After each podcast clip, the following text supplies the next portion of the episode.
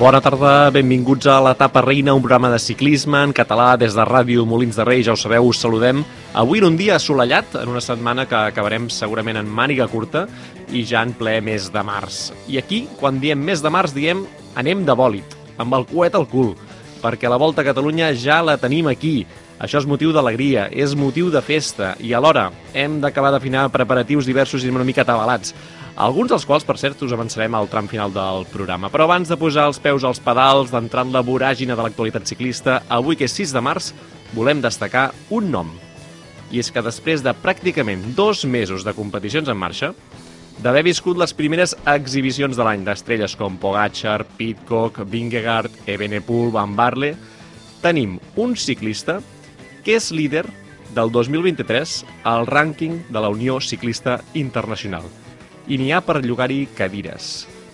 A Montano, para, para la música. No fa ni dos mesos, no fa ni dos mesos que el vaig escollir com un dels fitxatges més inexplicables de la temporada. I això val la pena fer-ho en sec, perquè amics i amigues, si hi ha gent que té ull clínic, aquí un servidor té un ull crític, o millor dit, en estat crític. Rui Costa. Sí, Rui Costa, 36 anys, ha fet la pitjor temporada des de 2008, sí.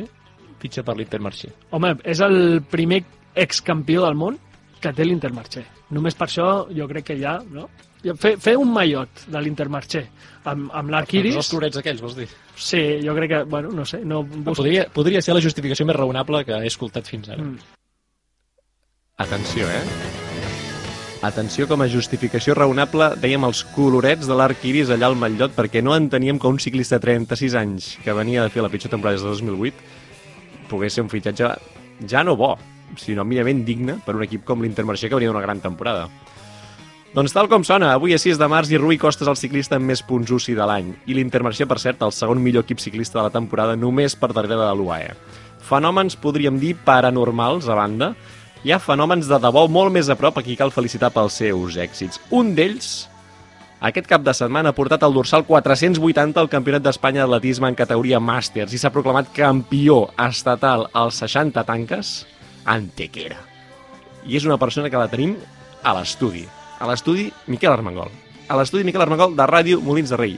I es diu Sergi Soler i Maza. Què tal? Bona tarda. Bona tarda. Enhorabona. Ja, gràcies per aquesta presentació tan xula. Bé, és membre de l'equip de la Tapa René, ja el coneixeu el Sergi, també el Marc Vives, bona tarda. Bona tarda. Avui sense Lluís Arias de moment, potser el tindrem per telèfon d'aquí una estona, i, evidentment, amb el que mai falla, l'home de les palanques, en Josep Montano, que puja i baixa amb una velocitat trepidant. Comencem l'etapa reina d'avui. Josep, com sempre, si vols, amb l'emmascarat.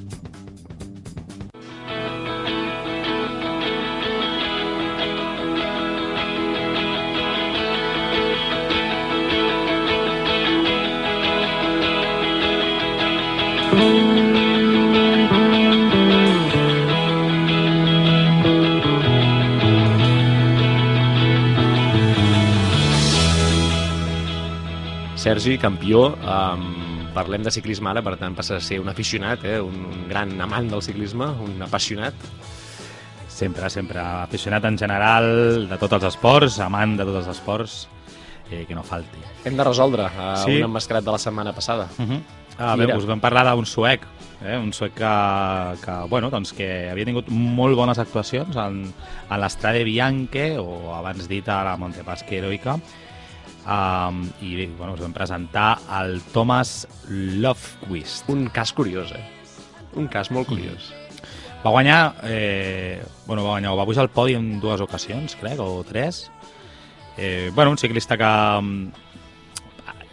Tio, al final, eh, ho hem vist ara aquests dies a l'Estadi Bianca, que ho comentarem, eh, acostumen a guanyar o, o els podis són de gent molt important, gent important, gent que van bé, doncs, uh, acostumen a anar bé en voltes, també, en voltes petites, en voltes grans, eh, inclús no sprinters purs, però potser gent més ràpida, i, i en el seu cas, el cas del, del Thomas Lovequick, pues, bueno, era un tio que anava bé amb, amb, amb amb clàssiques, amb, amb curses així d'etapes però de pocs dies, que tenia aquest punt doncs, explosiu i que podia doncs, bueno, fer-ho bé en curses com aquestes. Com l'heroica, eh? perquè al principi de l'Estrada Bianchi la coneixíem més cap en aquesta línia editorial, podríem dir, o de nom, i eh, van aparèixer uns quants ciclistes una mica singulars al principi. Tot va, escolta'm, eh, et sembla bé si anem a les pistes d'aquesta setmana per descobrir quin ciclista eh, doncs és l'emmascarat de la setmana? Vinga, vamos.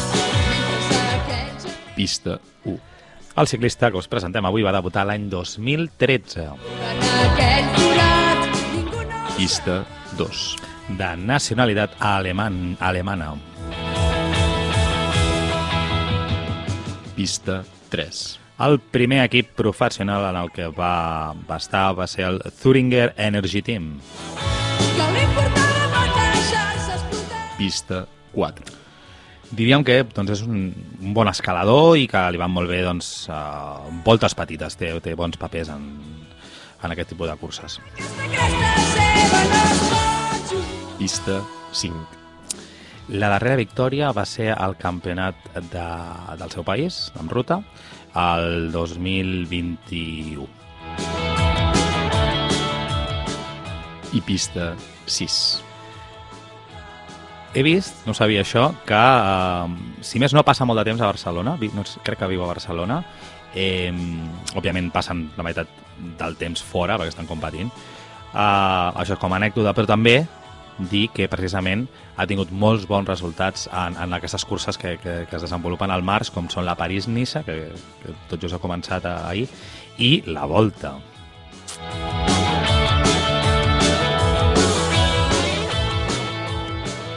Doncs ja tenim aquí les sis pistes de l'emmascarat d'aquesta setmana. No sé si qualificar-lo d'assequible o no, perquè crec que no és dels fàcils, Sergi. Encara que sigui recent, encara que tinguem, Mm. potser és un nom que podem tenir molt proper, jo crec que costarà d'arribar-hi una mica més que altres dels que has proposat. Sí, a veure, la idea era potser que fos una mica més senzill que el de la setmana passada, més recent, però també es pot arribar a confondre amb algun altre ciclista alemany contemporani. No? També. Mhm. uh, bé, a pensar. Us toca rumiar, eh, teniu deures aquesta setmana, com sempre penjarem doncs, una mica aquestes pistes a les xarxes socials i podeu participar allà intentar encertar-ho. I nosaltres tenim, doncs, com sempre, ara ja estem al mes de març, molta actualitat ciclista i ens toca començar repassant-la. Ens n'anem cap a Itàlia, ens n'anem cap a l'Estrade Bianche.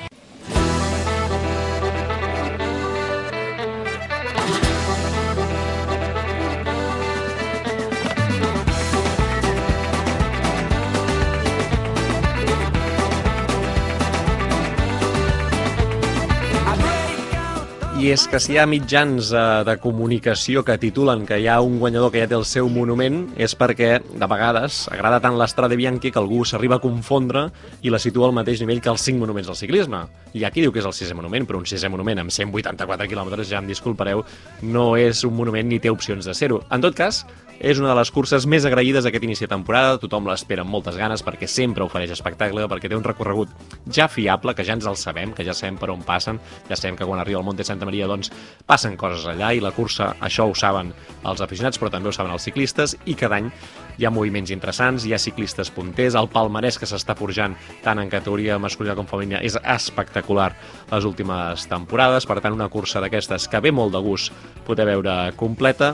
Jo no vaig tenir l'ocasió, eh, he hagut de veure resums perquè no he tingut més temps aquest cap de setmana, però vosaltres em sembla que, com a mínim, el Marc se l'ha vist tota sencera, des de, des d'abans de la cursa, 3 hores abans ja veia si volaven ocells o no per allà al voltant, uh, i per aquest final també de, de Siena, va fer un postcursa doncs, que gairebé es presenta allà al Marc.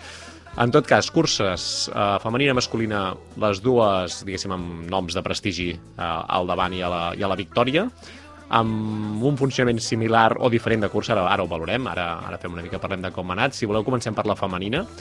I algú pot fer resum de cursa ràpid, però jo tinc dues preguntes a llançar, val? O sigui, un cop haguem fet el resum i haguem situat els oients, si us sembla bé, Marc, doncs endavant una mica com va anar aquesta cursa, com va desenvolupar-se. Bé, la cursa al final és una masterclass de, del Team SD Works, no?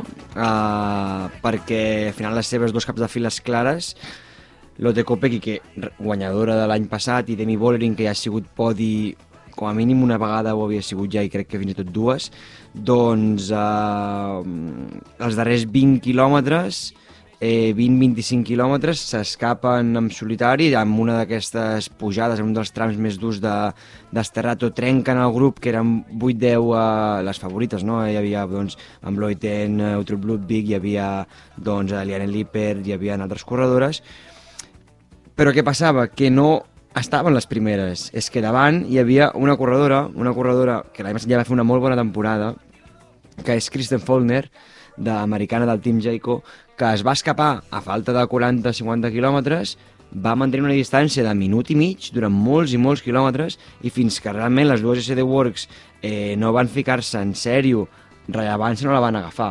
És a dir, Faulkner segurament era la tercera més forta d'aquesta prova, per això va quedar tercera, i a un món, a dos minuts, hi ha la resta de competidores que no van, no van poder seguir a les SD Works ni, ni a Faulkner. Una exhibició brutal de les dues SD Works, evidentment de Follner. Uh, Follner potser sense aquest final escena tan exigent hagués tingut opcions reals, perquè quan s'hi posen ja van una mica allò a contratemps i, i ho acaben aconseguint, no?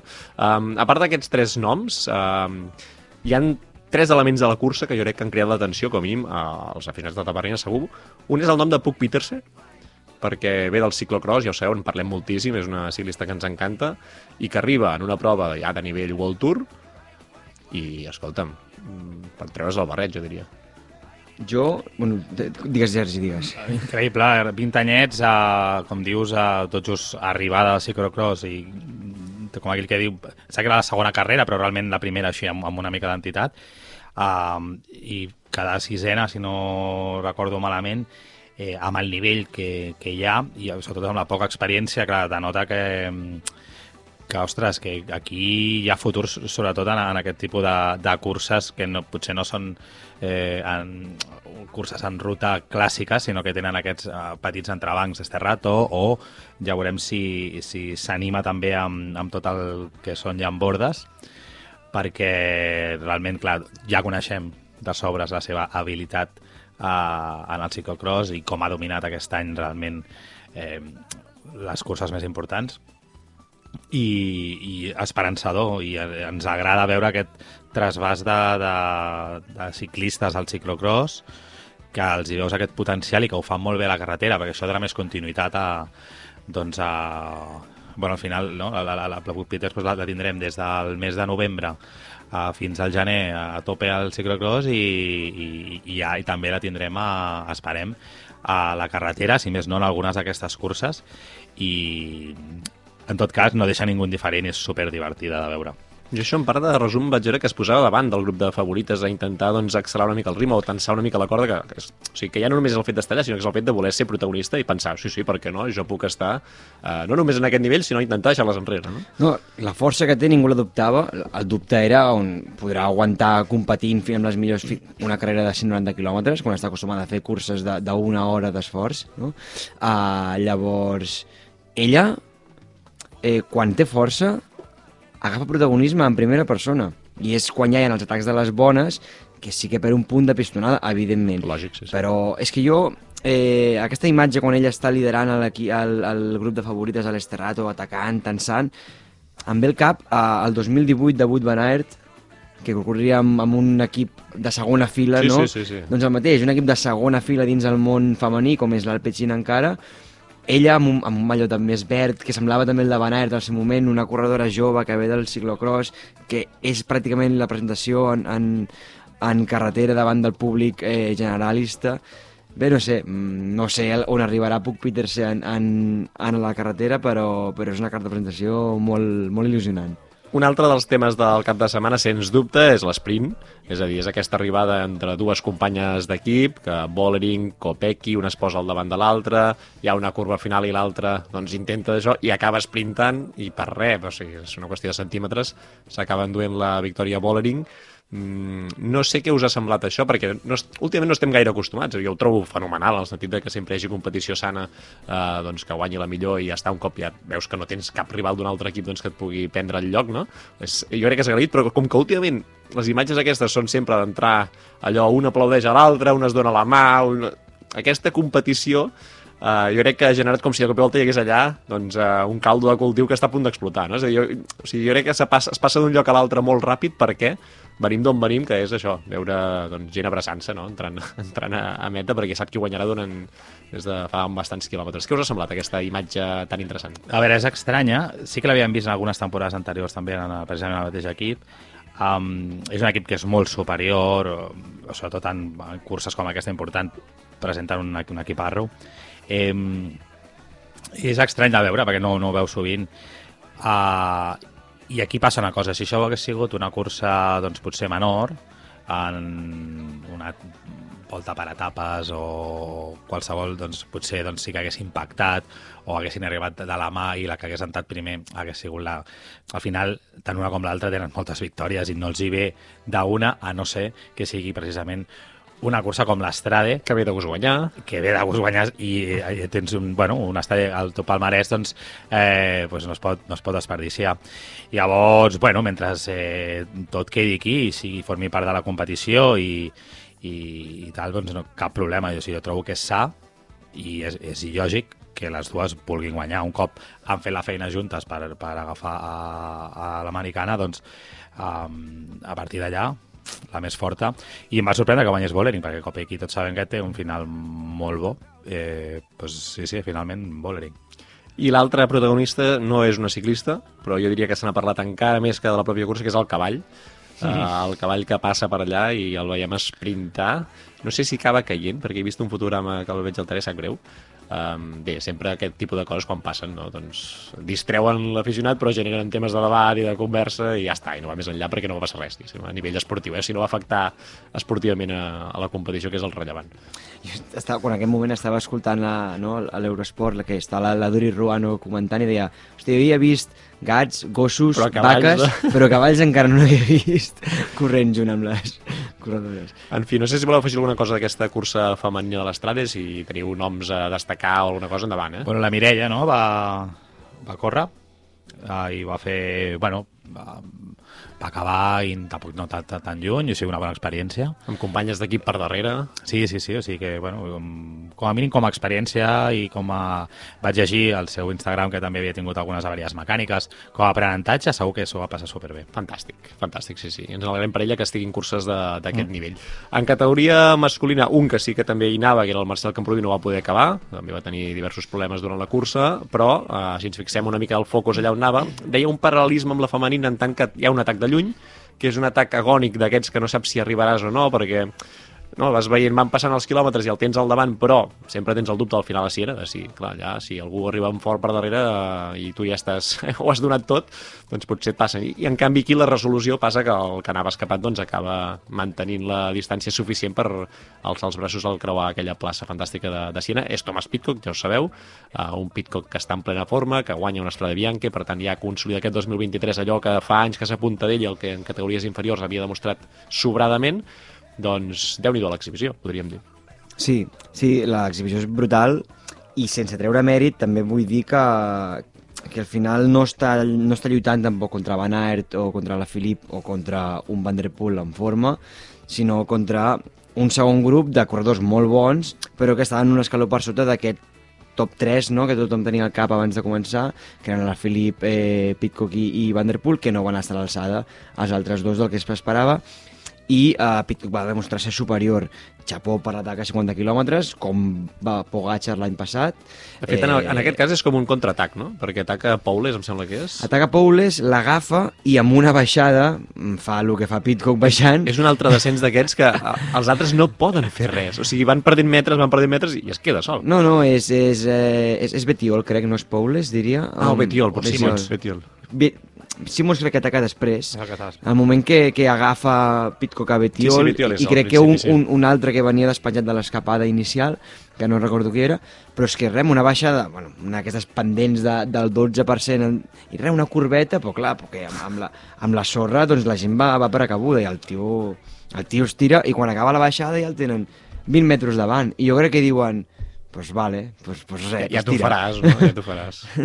I després del grup de darrere, um, clar, a veure, evidentment ningú vol que pot Pitcock guanya si no ets Pitcock mateix o ets el seu equip, no? Llavors hi ha intents de reacció diversos durant la, la prova però no n'hi ha cap que sigui prou potent per tenir-ho, allò de dir, el tinc a, a mida i el tinc controlat i així en el remato, no? va haver-hi un moment que, que el van tenir a 8 segons, mm. així, el tenen molt a prop i encara, eh, encara els hi quedaven alguns quilòmetres per arribar a Siena i, i precisament jo crec que és que no van ser capaços de... No tenien, estaven molt fora al pico i el grup de darrere no van ser capaços, tot i tenir, per exemple, el Jumbo, dos, dos ciclistes, perquè tenien a Tila Walter, que en teoria, doncs, eh, bueno, i que va treballar per, també per, per, per Tisbenoc, però potser no sé si fins a quin punt hagués pogut treballar més o sacrificar-se molt més, perquè al final va arribar amb el grup, a, a, a dalt. Arriba menys de 10 segons de Benot. Vull dir, No, no, sí, arriba, arriba al costat. Sí, sí. I, i per tant, sé fins a quin punt va treballar tot el que podia o es podia haver sacrificat una miqueta més, perquè um, el van tenir allà mateix a tocar. De fet, el, el, hi ha imatges que, que, que, el, que el, segur que el veien. I en un moment donat, pum, pum, pum, tornen a agafar, se, se, tornen a agafar 20 segons d'avantatge i ja està. I llavors a, allà sí que no, no, van, no van poder fer res. Igualment Pico, crec que tot i així era el, el, el candidat a guanyar, tot, encara que l'haguessin atrapat, perquè realment va demostrar que estava en un estat de forma boníssim. Una llàstima també, i, bueno, i destacar també m'agradaria el, el Pello Bilbao, que va intentar mm, també, al final sí que és veritat que es va quedar una mica sol per allà i va estar molta estona uh, entre mig de dos grups i, i, i no, no va poder acabar d'entrar amb aquest grup que just que tenia davant de, de més, tots hi havia aquests Mohoric.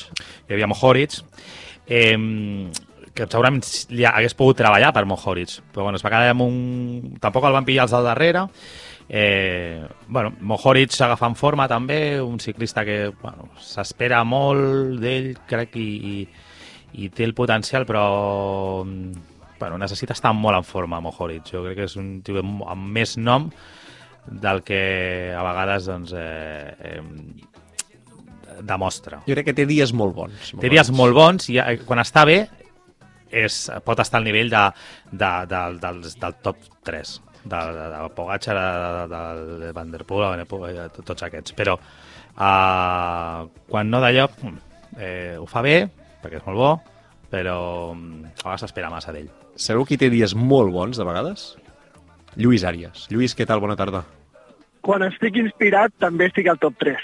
Quan, eh, i, i, no sé si estic, però almenys m'hi sento. Ets el nostre Valentín Maduà. Que ho fa Com molt bé, que ho fa molt bé, però no acaba de rematar. Ah, que li qua.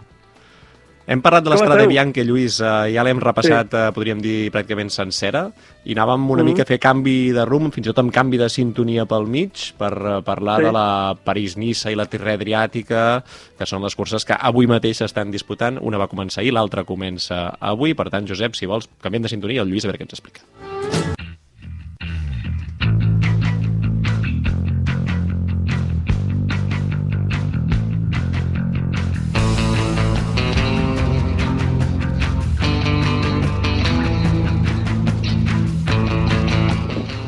Perquè si el Lluís no el tenim a l'estudi, òbviament és que el tenim d'enviat especial. Eh, No sé si has anat cap a França, cap a Itàlia. Lluís, per on pares? Estic a França. Estàs a França, eh? Si estàs amb la París-Niça, avui etapa plana, hi ha un sol escapat que és Jonas Gregar, que l'han deixat sol, està sol des del primer quilòmetre pràcticament, allà competint contra el vent i contra tots els elements. Ja l'han agafat. Ja l'han agafat, imagineu, pobre nano. I ja està, en principi una arribada massiva. No sé què fas avui a França, podent haver anat a la Tirreno, que hi havia una crono. Bueno, eh, volia veure aquest, aquest noi escapat. Què us sembla, en Tirre Adriàtic a París-Niça, què us motiva més d'aquesta setmana? En una cursa tenim el duel a Pogacar-Vingegaard, que l'hem vist ja el primer dia en un dia que no s'havia de veure a priori, i a l'altra cursa hi ha tot un nom, tot un reguitzell de noms importants i interessantíssims, entre ells els que doncs, debuten avui mateix a la temporada, que són Primo Roglic i Wout Van Aert, que aquests no havien competit encara, mentre els altres porten dos mesos allà treballant, Van Aert també una mica al seu nivell, però Roglic és una feina perfecta, eh? O sigui, et paguen per tot l'any, però els dos primers mesos estaves només preparant-te, per si de cas. Això, Lluís, a la teva feina no sé si passa, no? Que tens dos mesos per preparar el primer dia que, que arribes. Sí, jo, jo m'estic constantment preparant per alguna cosa que mai passarà. Porto anys, així. Eh, us volia fer una pregunta. Eh, històricament, què us agrada més? Què, què us crida més l'atenció? Eh, amb què us agafeu més il·lusió? Tre Bianche o París-Niça? Més, Estrada Bianche segurament, eh? però imagino que... Estrada que Bianche, no, Tirreno Adriàtico. Tirreno Adriàtico o París-Niça? Mira, jo eh, no sé si és perquè una mica té el misticisme de, de, la, de França i el Tour, però em quedo en la París-Niça. Jo discrepo i me'n vaig cap a Itàlia, normalment, eh? Depèn de l'edició, clar, que després tens edicions amb uns noms superpotents una banda i l'altra una mica més dèbils, i llavors, clar, aquell any, vulguis o no, acabes mirant més la cursa que t'interessa més.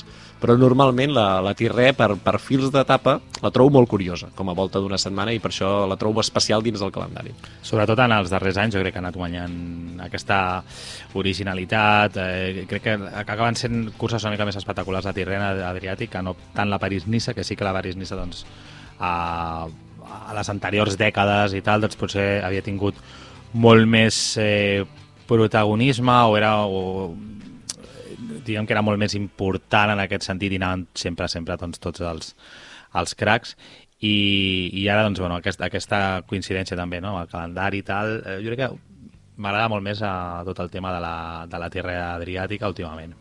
Tu, Lluís, és evident que has anat cap a França, per tant, la París-Niça has triat?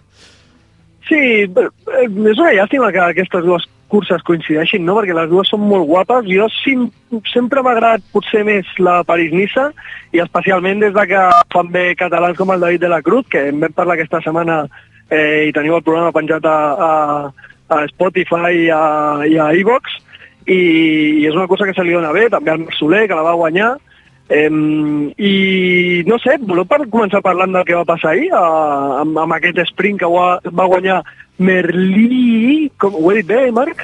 Perfecte. Merlí. El Tim, Tim, es diu Tim. El Tim, va guanyar el Tim, però sobretot l'animalada que fa el, el Delí. Tu has vist l'esprint Que- i has vist que ve de, de, de, de dos pobles enllà, no? Sí, sí, sí, no l'ajuda ningú, el tio, bueno, és que jo crec que també no es prepara bé l'esprint, no està ben col·locat, però fa un altre sprint, una salvajada, eh, per arribar gairebé a, molt a prop del Merlí, però, però, però venint de, de dos pobles enllà, com tu dius. Com que la gent escoltarà aquest programa quan ja s'hagi acabat l'etapa, ja podem dir que Mm. Delhi ha guanyat, no? O sigui, ens avancem avui l'etapa i ja resolem final. A veure, de l'etapa d'ahir, ara fora conyes, al moment que Pogacar es posa a buscar una bonificació i a més a més després intenta donar una continuïtat a un atac que és a 7 km o 8 de meta i diguem que és molt a prop ja de, de, del final d'etapa i té al costat a Vingegaard us esperau això ja la primera etapa d'una París-Niça, que és el primer dia que es troben aquests dos ciclistes eh, després del duel que ens van oferir el Tour de França l'any passat, és que ho fan maco, eh? És a dir, ho fan de dir, aficionats, estigueu tot l'any connectats a nosaltres que us oferim sempre espectacle. Juan Maco, és molt d'agrair a... La París-Niça aquest any ha fet una cosa molt interessant a l'etapa d'ahir i a la d'avui també, que és ficar uns sprints bonificats ben a prop del, del final, on ja no hi ha escapada, Correcte. i, i permet donar joc a aquestes coses. Eh? Per tant, és probable que avui veiem una cosa probablement semblant. I, i, i la sensació que, que sempre dona Pogacar que és que aquest tio s'ho passa bé corrent, no? I que, evidentment, vol guanyar i fer un palmarès brutal, eh, però com que passa per davant, passar-s'ho bé. O sigui, la sensació de dir, si, si no guanyar París-Niça, perquè la crono treu per equips, doncs Jumbo li treu 30 segons a l'UAE i no els pot recuperar, com que tampoc li sabrà greu. Ell, i ell, no sé, perquè ell es mira Vingegaard, li fa la conya, diu, què, tirem? I Vingegaard diu, com vols que tiri? Tinc Passa, aquí, passa. tinc aquí Coig darrere per guanyar l'esprint i, i a tu em guanyaràs l'esprint després, no? pues això, no sé, mm, és, és un bon moment per l'espectacle ser el ciclisme, crec, aquests, aquests anys. Sí, és molt d'agrair que doncs, ja des del primer dia ja, ja et creïn aquesta, aquesta il·lusió de tot el que vindrà i sobretot doncs, el, el mes de juliol uh, on esperem doncs, realment que, que explotin allà doncs, i treguin el millor, però si ja des del primer dia, des de la primera etapa ja, ja veiem aquestes mostres de, de, bueno, de, de ciclisme valent, d'atac i al final és, és el que enganxa això a la gent i, i pels aficionats doncs, és, és, és super d'agrair. I giro una mica el focus cap a la Terra Adriàtica. Avui tenim contrarrellotge individual, es comencen doncs, a situar els ciclistes, ja veurem a veure com va tota la setmana. Um, Roglic debuta. Què n'espereu d'ell? Uh, si debuta, ha avançat una mica el seu debut, perquè al principi havia previst debutar a la Volta a Catalunya, ha avançat a Tirrena, això s'entén doncs, que està ja uh, en forma. Creieu que es pot endur ja una prova com aquesta en el seu debut de temporada davant dels rivals que té? No, no, jo sincerament crec que no. El... eh, Potser m'equivoco, eh, però um, crec que al final els ciclistes eh, necessiten molt de volum de va personalment, eh? i més com, com més edat tenen, més volum de, de potser de- de- d'entrenament o de competició, de ritme competitiu per acabar de- d'arribar bé a, doncs, a, les, a les fites no? que, que, que, volen, que volen arribar. En el seu cas fa el Giro, eh, i llavors eh, crec que si començava la volta aniria una mica just. Aniria una miqueta just perquè eh, jo crec que ja he vist que necessita més, més ritme, agafar un puntillo un puntet més i, i aquí precisament crec que el que va és a, a, a agafar ritme, òbviament és, és un superclasse i no ho farà malament però crec que el cartell de, de, que hi ha de, de, de participants és prou alt, prou elevat com perquè eh, Roglic ara mateix, amb l'estat de, de forma que té, que tampoc el sabem, però crec que no podrà guanyar. Està Enric Mas, està Jay Hindley, està Adam Yates, eh, tens el mateix Pitcock, que és capaç de tot, eh, i evidentment està Miquel Landa també. I deixeu-me dir que, si abans parlàvem de Vingegaard Pogacar a París-Nice, aquí hi ha l'altre gran duel d'aquests darrers anys, que és Van Aert Van Der Poel, que mm. també es troben per primera vegada fora del ciclocross aquesta temporada. Lluís, eh, no sé si també això és un al·licient per seguir la Tirre Adriàtica aquest any. Sí, tant. Home, la Tirré Adriàtic té, té tot el que la París-Niça no té, no? Té eh, grans ciclistes d'altres àmbits, no, no tan eh, enfocats a les generals, que donen espectacle cada dia. Això és el que jo crec que és la gràcia de la Tirré aquest any. Um, Se'ns acaba el temps per parlar d'actualitat. No sé si teniu alguna cosa més sobre aquestes curses, perquè si no és el cas, crec que hem de parlar de Volta a Catalunya un momentet, perquè tenim tanta teca, tanta teca de la Volta a Catalunya, que convé repassar-la amb tots vosaltres.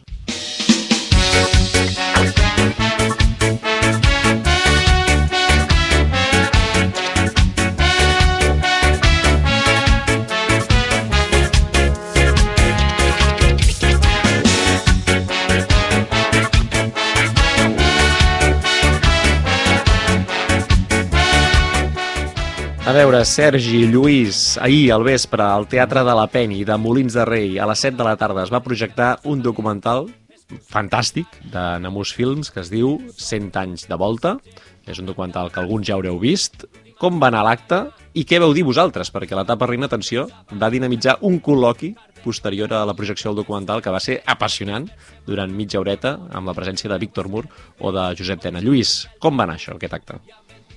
Pues mira, va anar molt bé, jo crec que va anar molt bé, perquè tot ha sigut una mica mm, apresurat al final, eh? A, a, aquest acte eh, se'ns va dir en poc temps, diguéssim. Eh, I tot i això, hi havia bastanta assistència de gent, tot i que no s'ha fet gaire, gaire ressò, hi havia bastanta assistència de gent, jo crec, crec que vaig comptar unes 40-60 persones, i, i bé, el documental doncs, eh, no cal parlar d'ell perquè és, és la hòstia, no sé si l'heu vist, però si no l'heu vist, doncs eh, jo crec que el podeu trobar a plataformes, que és, eh, el documental està molt bé, està molt ben parit perquè a més eh, li agrada fins i tot a la gent que no li agrada el ciclisme, Ara, no? ara, Parla, parla del ciclisme, parla dels ciclistes i, i, i, i utilitza una imatge molt bonica, una imatge molt bonica, amb un muntatge que sembla pràcticament un videoclip, i llavors eh, entra molt pels ulls. Per molt que no t'agradin els ciclistes o que no tinguis ni idea del ciclisme, t'agrada el documental.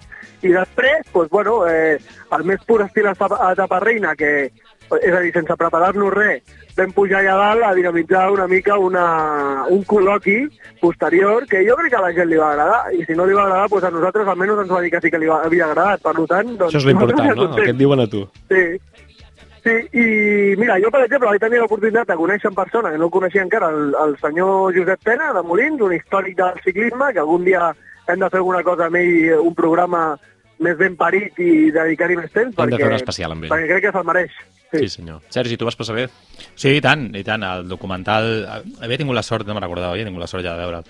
Um, però en tot cas sempre és, és un, des de, de, de grat, eh, de bon grat, eh, tornar-lo a veure, vull dir que és molt xulo, com diu el Lluís. I, i res, aquest col·loqui doncs, després va estar interessant.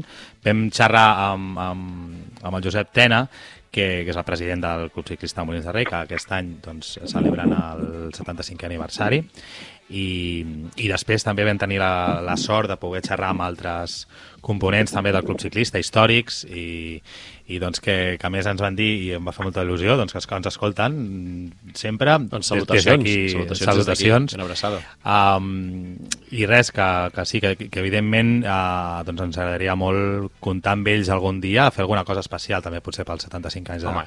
del, del club que s'ho mereix i, i doncs contents de la, de la rebuda que va tenir el, el col·loqui, també vam parlar amb el, amb el Víctor Mur, que al final doncs, és qui manega tot el, el tema de la volta i, i al final interessant, interessant va estar mitja horeta doncs, xerrant de, de la volta, de l'etapa que arriba aquí, que tenim tots moltes ganes i, i al final un, un, acte, un acte bonic. D'aquesta etapa i d'aquesta volta 102 que està a punt d'arribar, en aquesta mateixa setmana passada hi va haver una altra presència destacada a la volta, va ser el senyor Rubén Peris, el president, que va venir a presentar l'etapa de Molins de Rei específicament, l'etapa Martorell-Molins, que és el dissabte 25 de març, es va fer aquesta presentació formal, oficial, ja sap tothom per on va la cosa, Uh, per tant, cosa, feina feta, eh? feina avançada, i nosaltres, de cara aquest 25 de març, com que a vegades anem dient coses tant per xarxes com el programa de «Ei, reserveu-vos la data», um, avui us volem avançar una cosa, que és uh, no tot el que farem, però sí una part del que farem, eh? que és que el 25 de març, mentre l'etapa estigui venint cap a Molins, nosaltres estarem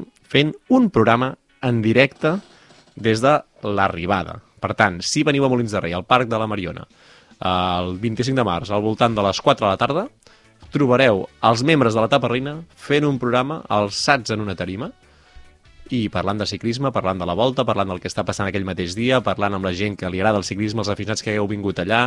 Tothom tindrà espai durant aquest programa, veurem l'arribada en directe, la comentarem, veurem el podi en directe, el comentarem i estarem encara una bona estona després seguint xerrant fins que ens facin fora una mica d'allà, no, Lluís?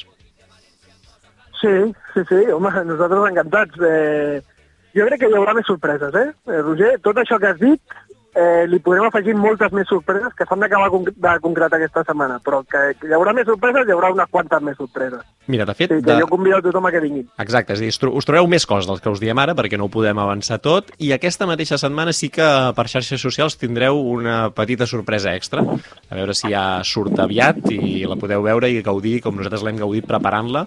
Segur que us agrada, especialment algú li agradarà molt i algú que segurament no és oient d'aquest programa. És tot el que podem dir avui. Estigueu connectats a la tapa reina a veure si demà, demà passat doncs ja podem llançar-ho. Um, una cosa que tenim en marxa també i anem a, acabant aquest bloc a, a Volta a Catalunya és la, la, la fantàstica campanya que estem fent des de la Tapa Reina perquè tingueu el millor bidó de la vostra vida. El bidó de la Una Tapa virgueria. Reina. Una virgueria de Una colors, virgueria. de disseny, de qualitat de materials, de materials biodegradables. Hi podreu posar dins aigua o el que us plagui i fer-lo servir allà on aneu, Lluís. El loro, el loro perquè podeu fardar de vidó, edició especial que hem fet, eh, i a més podeu ajudar, que és com una mena de Patreon eh, camuflat, no? Ah, és a sí? dir, eh, sí, perquè vosaltres ens ajudeu, agafeu un bidó, és la manera de que nosaltres podem tenir mm, res, quatre, quatre quartos doncs, per poder ampliar i fer més coses per l'etapa reina i, i jo crec que eh, tota la gent que escolta el programa cada setmana doncs eh, s'ho passa bé, doncs si podem oferir-los més coses doncs s'ho passaran millor, no? I és, i és la manera. Eh, Pensa en aquest vídeo que de moment ja n'hem venut uns quants per d'una manera que no és la més còmoda, és a dir, havíem d'entrar, havíem de fer un bítum, no era el més còmode, el més còmode és anar allà amb els quartos i, i, i que et donin el bidó al moment, no? Doncs hi ha gent que ja ho ha fet d'aquesta manera i per això aquesta gent que ja ho ha fet fins ahir eh, bueno, farem un sorteig eh, de, de material que aconseguirem durant la volta per, per tota aquesta gent. Correcte. I tinc una secció molt ràpida. Ara, ara, ara. Això vull, això vull escoltar jo. Quina secció és? És sobre Eh, bidons? tinc- vull, regalar, vull regalar cinc bidons. A qui li regales? A qui li regales? A, a, gent, a gent que crec que s'ho mereix eh, d'aquesta setmana. El primer, li regalo a Carlos Rodríguez, que s'ha trencat la clavícula al tio a l'Estrada de Bianche en un molt mal moment, tio, perquè ara ja està agafant la forma per començar a tope la temporada, havia de venir a la volta, es perdrà la volta per, per, la, per trencament de clavícula, jo crec que aquest tio es mereix un vídeo, sí o no? Culpa meva, eh? El vaig agafar jo, que vaig dir que guanyaria l'Estrada de Bianchi. Nom i cognoms Marc Vives, molt bé. responsable. Segon.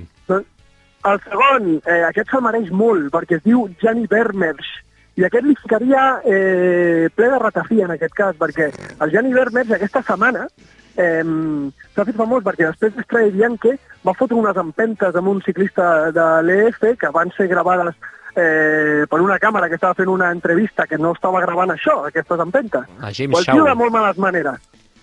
Com, perdona? A James Shaw. El James Shaw, aquest mateix. I el James Shaw li diu, noi, que t'han gravat, tu, ja has quedat retratat. I, I resulta que arran d'aquestes imatges han sortit un munt de ciclistes professionals cascant del Gianni Vermes. Per tant, és un tio que és molt poc estimat. Jo crec que es mereix un vídeo ple de ratafia perquè canvia una mica aquesta forma de ser. Doncs vinga, un bidó de ratafia cap a ell. El tercer bidó, a qui l'enviem? El tercer, tercer és per Marcel Camproví, que eh, ha corregut per primera vegada a l'Estrella Bianche amb el seu equip, amb el Q36.5. Eh, no estava molt content, però, conyons, que és el primer any que estàs aprenent, tio, eh, ànims i ho, ho seguiràs fent molt millor. Aquest ple d'energia, ple d'energia positiva pel Marcel. El quart bidó.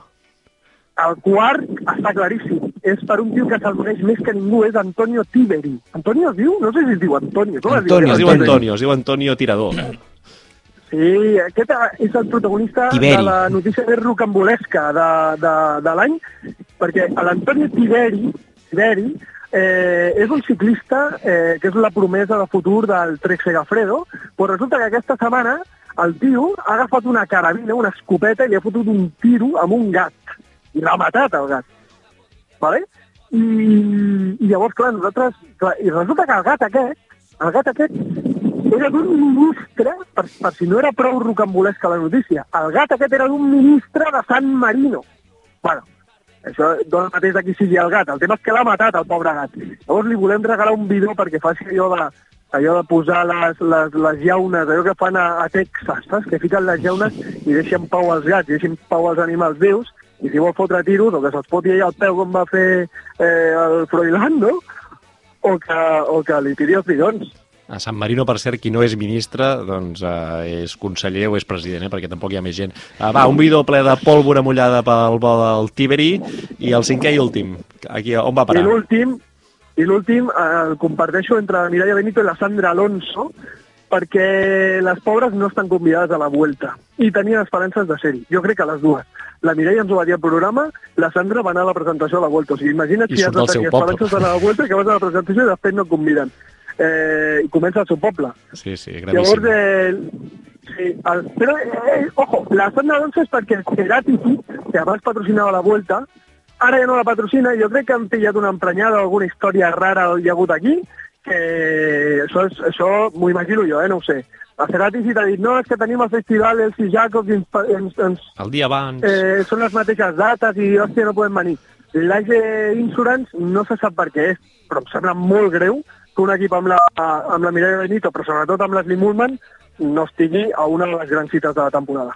Doncs en aquest cas, bidó de plom pels organitzadors de la Vuelta que no han convidat a la Mireia, bàsicament. Eh? Això és el que volíem que, que passés. Uh, Lluís, molt bé aquests bidons. Uh, tota la resta, uh, ens en quedaran molts encara, els podeu comprar. Eh? Podeu entrar a xarxes socials, buscar-nos, ho anem posant més o menys sovint i allà trobareu la manera com, com fer-ho i ja està. Nosaltres, eh, si et sembla bé, Lluís, eh, pleguem aquí de bidons i de promoció de la Volta. Recordeu que teniu aquest podcast especial amb David de la Cruz, que serà un dels participants de la Volta i el podeu escoltar doncs, a Ràdio Molins de Rei, a iVox, Spotify, totes les plataformes, com sempre. Però ara tenim un emmarcat preparat especialment pel Marc Vives a la secció d'avui.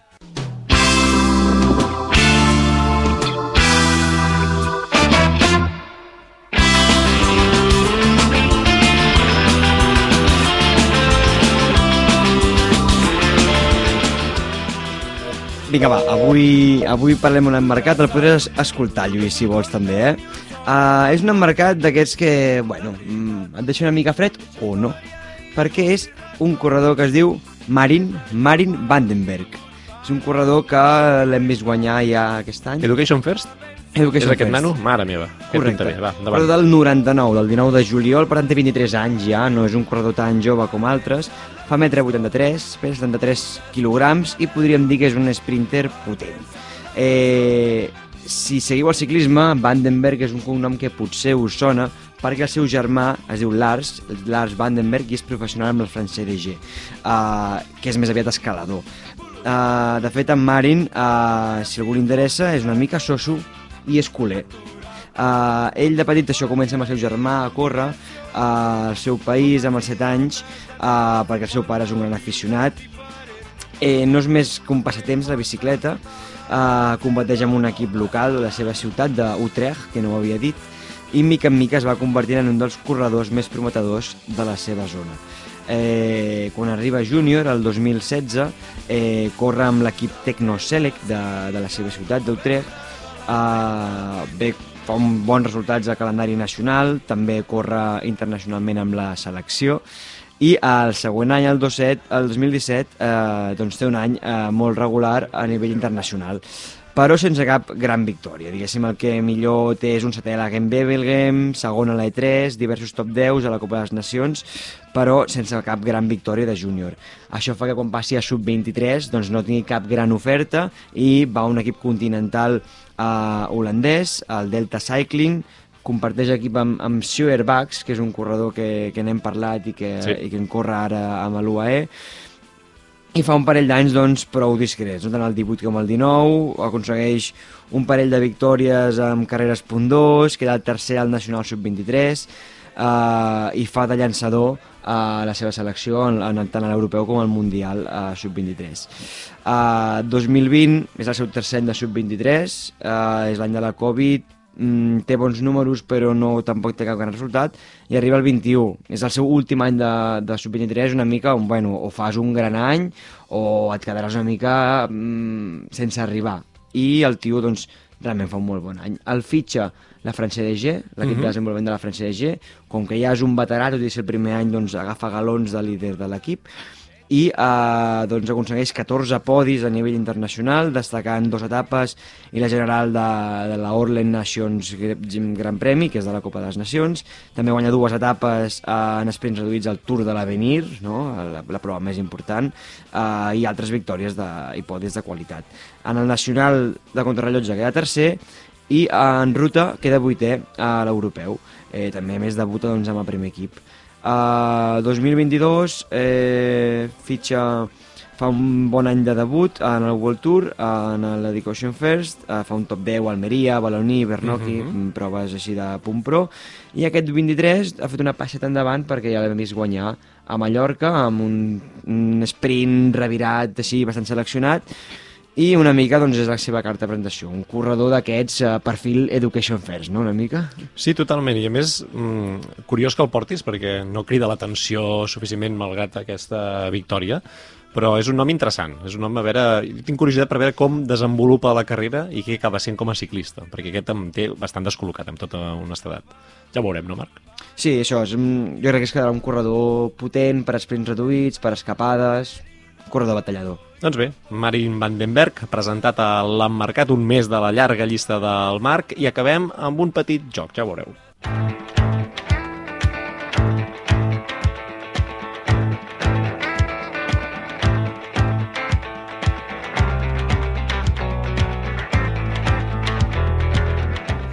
Doncs eh, com que pràcticament només podem pensar ja en aquesta volta a Catalunya que abans de l'emmarcat us estàvem situant, eh, he preparat un mini test de coneixement general fixant-nos amb la llista d'inscrits actual o de preinscrits, la que està a Pro Cycling Stats. Val? Són 73 ciclistes, falten molts, alguns segur que cauen, però amb aquests noms us faig algunes preguntes molt ràpides per acabar el programa.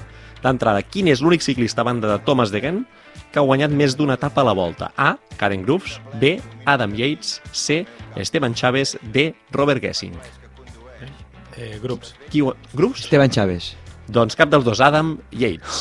S'ha mort en Michael Jackson. la Molina, no? Clar. Quin és l'únic ciclista que ha guanyat el Matllot de la muntanya en més d'una ocasió, el Matllot de la Volta, eh? A. Esteban Chaves, B. Thomas Degen, C. Sepp Kass, D. B. Ben O'Connor. Ben O'Connor. Ben O'Connor. Thomas Degen. Tercera, quin d'aquests ciclistes no ha aconseguit mai un top 10 a la General de la Volta? A. Thorstein Tren, B. Juan Ayuso, C. Wilco Kelderman, D. Dylan Teuns. Eh, Ayuso. Jo també diria Ayuso. Dylan Teuns. No.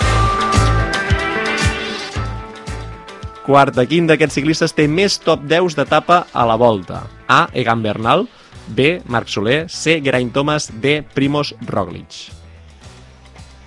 Grain Thomas. Primoz Roglic. Egan Bernal. Molt bé, Marc, eh? Molt bé, Marc. Som, no ter sé, som, som terribles. Deixa'm dir que sí, Adam ja. Yates en té més que ell, però no el volia tornar a posar aquí. I acabo amb l'última. Aquesta és la que us pot portar a un encert, com a mínim. De moment anem a zero. Sí. Quin d'aquests ciclistes ha aconseguit quedar alguna vegada entre els 20 primers en alguna etapa de la Volta? I he triat ciclistes que com a mínim han participat en 4 edicions de la Volta Ciclista a Catalunya. Val? I alguna vegada un d'ells sí que ha aconseguit entrar entre els 20 primers. Us dic els noms, no us espanteu. A. David de la Cruz. B. Mikel Landa. C. Jan Hirt. D. Jetsebol. Que només una vegada, eh? No, un d'ells només. ha Com a entrat, mínim. Com a mínim uh, per, uh, en top 20 d'etapa. O sigui, El millor resultat d'aquests és un 17è Sí, lloc. sí, sí, d'aquests 4, 3 no han fet mai top 20 en una etapa de la Volta. Correcte. Eh? Jetsebol. Jo diria a... a Hirt. Jan Hirt, Sergi! Ah, sí! Sí, Miquel, Miquel Landa i companyia no han fet Miquel mai Landa i un top David de la 20. Cruz tenen 4 o 5 voltes i Ostres. mai han aconseguit un top 20 Eh, d'etapa. aquest any la cosa canviarà. Estic bastant d'acord amb aquesta afirmació. Ja sentim la sintonia final del programa. El Josep sap que això s'acaba i nosaltres doncs, aprofitem aquest petit joc per recordar-vos que la volta va arribant, però que mentrestant estarem aquí a la Taparrina acompanyant-vos amb el ciclisme. Ens veiem el dilluns que ve, 13 de març, amb un nou programa de la Taparrina. Que vagi molt bé, molt bona setmana. Gaudiu de la París-Nissa i de la Tirrea Adriàtica. Bona setmana. Adéu.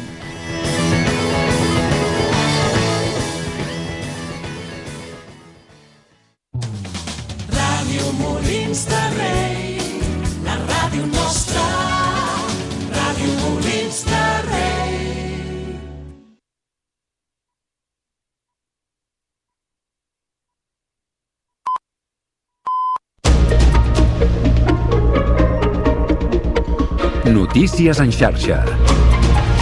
Bona tarda, són les 5. Us parla Caral Pedemonte. El ciberatac a l'Hospital Clínic de Barcelona ha obligat a suspendre entre